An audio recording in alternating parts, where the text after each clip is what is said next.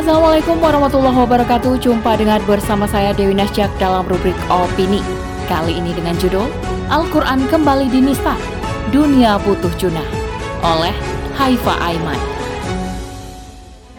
Atas nama hak asasi manusia inilah aksi pembakaran Al-Quran bisa terjadi di berbagai negara. Bahkan bisa berkali-kali terjadi di negara yang sama. Selengkapnya, tetap di podcast Narasi Pos Media Narasi Pos, cerdas dalam literasi media, bijak menangkap peristiwa kunci. Negara-negara Muslim serentak mengeluarkan kecaman keras atas aksi pembakaran Al-Quran yang terjadi pada Sabtu, 21 Januari 2023 di luar kantor kedutaan Turki di Stockholm, Swedia. Aksi yang telah melukai hati 1,5 miliar muslim di dunia itu dilakukan oleh Rasmus Paludan, aktivis sayap kanan Denmark Strømkurs alias garis keras. Kebenciannya yang mendarah daging kepada Islam membuat Paludan berkali-kali melakukan aksi pembakaran Al-Quran. Pada bulan April 2019, dia melakukannya di Norebro, Copenhagen, Denmark. Di kota ini banyak berdomisili imigran muslim. Tidak ada keterangan sanksi yang dikenakan padanya. Selang setahun kemudian, tepatnya Agustus 2020, dia dan kelompoknya membakar sejumlah Al-Quran di wilayah Rosengard, Malmo, yang merupakan pusat komunitas muslim di Swedia. Atas aksinya, dia hanya dilarang masuk Swedia selama dua tahun. Namun, di bulan Oktober, Paludan mendapat kewarganegaraan Swedia dari garis ayahnya. Sungguh ini sebuah lelucon busuk Swedia. Di bulan April 2022, Paludan kembali menistakan Al-Quran ia beraksi membakar Al-Quran di Linköping. Seluruh tindakan dan narasi provokasinya di Saantero, Swedia mendapat izin dan berada di bawah penjagaan polisi. Sekali lagi, negeri-negeri muslim hanya mampu mengutuk dan mengecam meskipun hati dongkol dan sedih luar biasa. Mereka tidak bisa berbuat apa-apa. Atas nama HAM, semua sah-sah saja dilakukan. Kebebasan berperilaku dan berpendapat merupakan pilar kokohnya demokrasi yang dijamin oleh hak asasi manusia.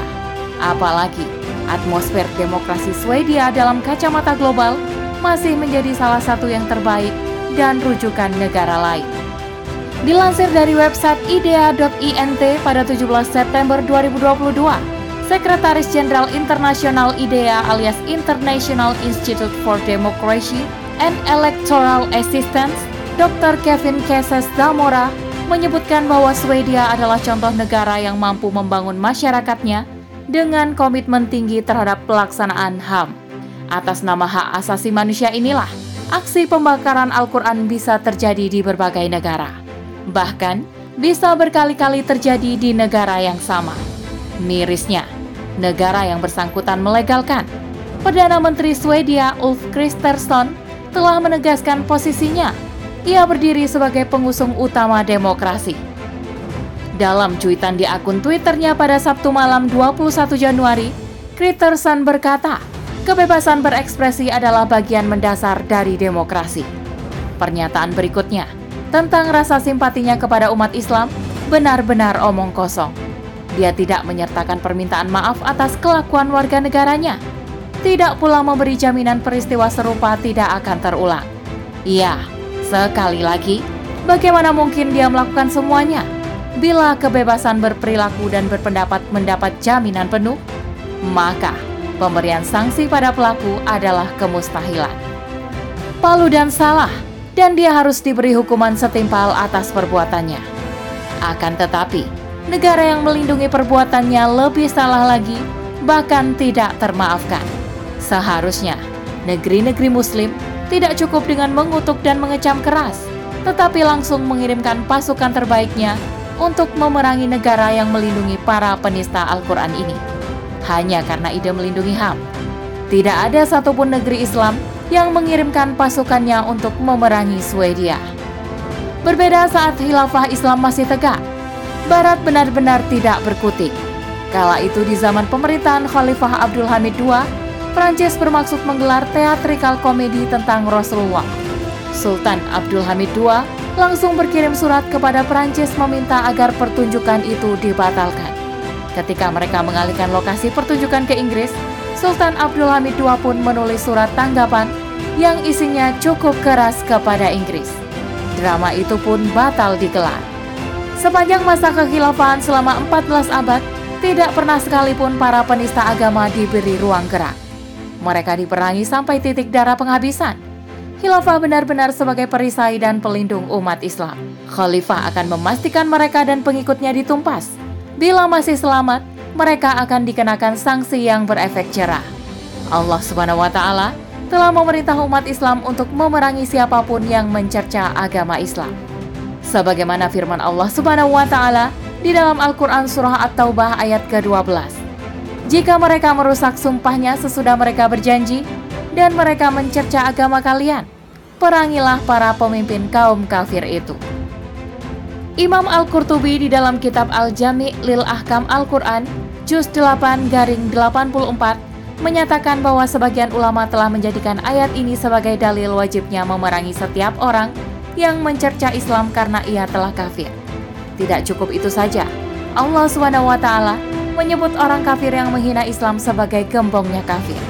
Dalam kitab Al-Majmu' Juz 2 halaman 170, Imam An-Nawawi menyebutkan bahwa ulama-ulama menyepakati bagi siapa saja yang menghina Al-Quran, menghina sesuatu dari Al-Quran, menghina mus'af, melemparkannya ke tempat kotor, mendustakan suatu hukum atau berita yang dibawa Al-Quran, menafikan sesuatu yang telah ditetapkan Al-Quran, menetapkan sesuatu yang telah dinafikan Al-Quran, atau meragukan sesuatu dari yang demikian itu, sedang dia mengetahuinya, maka dia telah kafir. Qadi Iyad dalam kitab Ashifa, Juz 2 halaman 1101 menegaskan, Ketahuilah, siapa saja yang meremehkan Al-Quran, mushafnya, bagian dari Al-Quran, mencaci maki Al-Quran dan mushafnya, maka ia telah kafir atau murtad menurut ahli ilmu. Dalil-dalil ini dengan gamblang menunjukkan bahwa seluruh bentuk penistaan atas Al-Quran, Rasulullah Shallallahu Alaihi Wasallam dan syiar-syiar Islam sama saja dengan mereka menabuh genderang perang.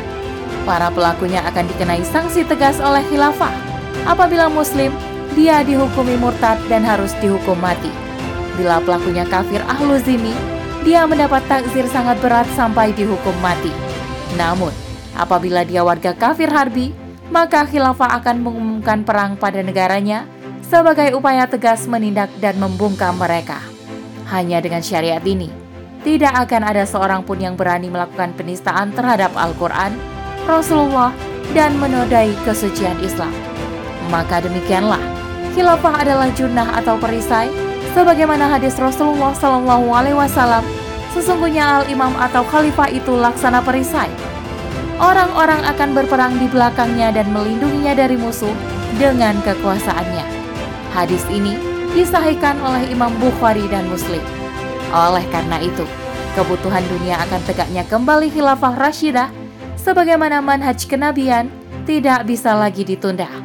Memperjuangkan tegaknya khilafah menjadi kewajiban setiap muslim. Masihkah ragu memperjuangkannya? Wallahu a'lam bishawab. Demikian rubrik opini kali ini. Sampai bertemu di rubrik opini selanjutnya. Saya Dewi Nasya kundur diri. Afu minkum. Wassalamualaikum warahmatullahi wabarakatuh.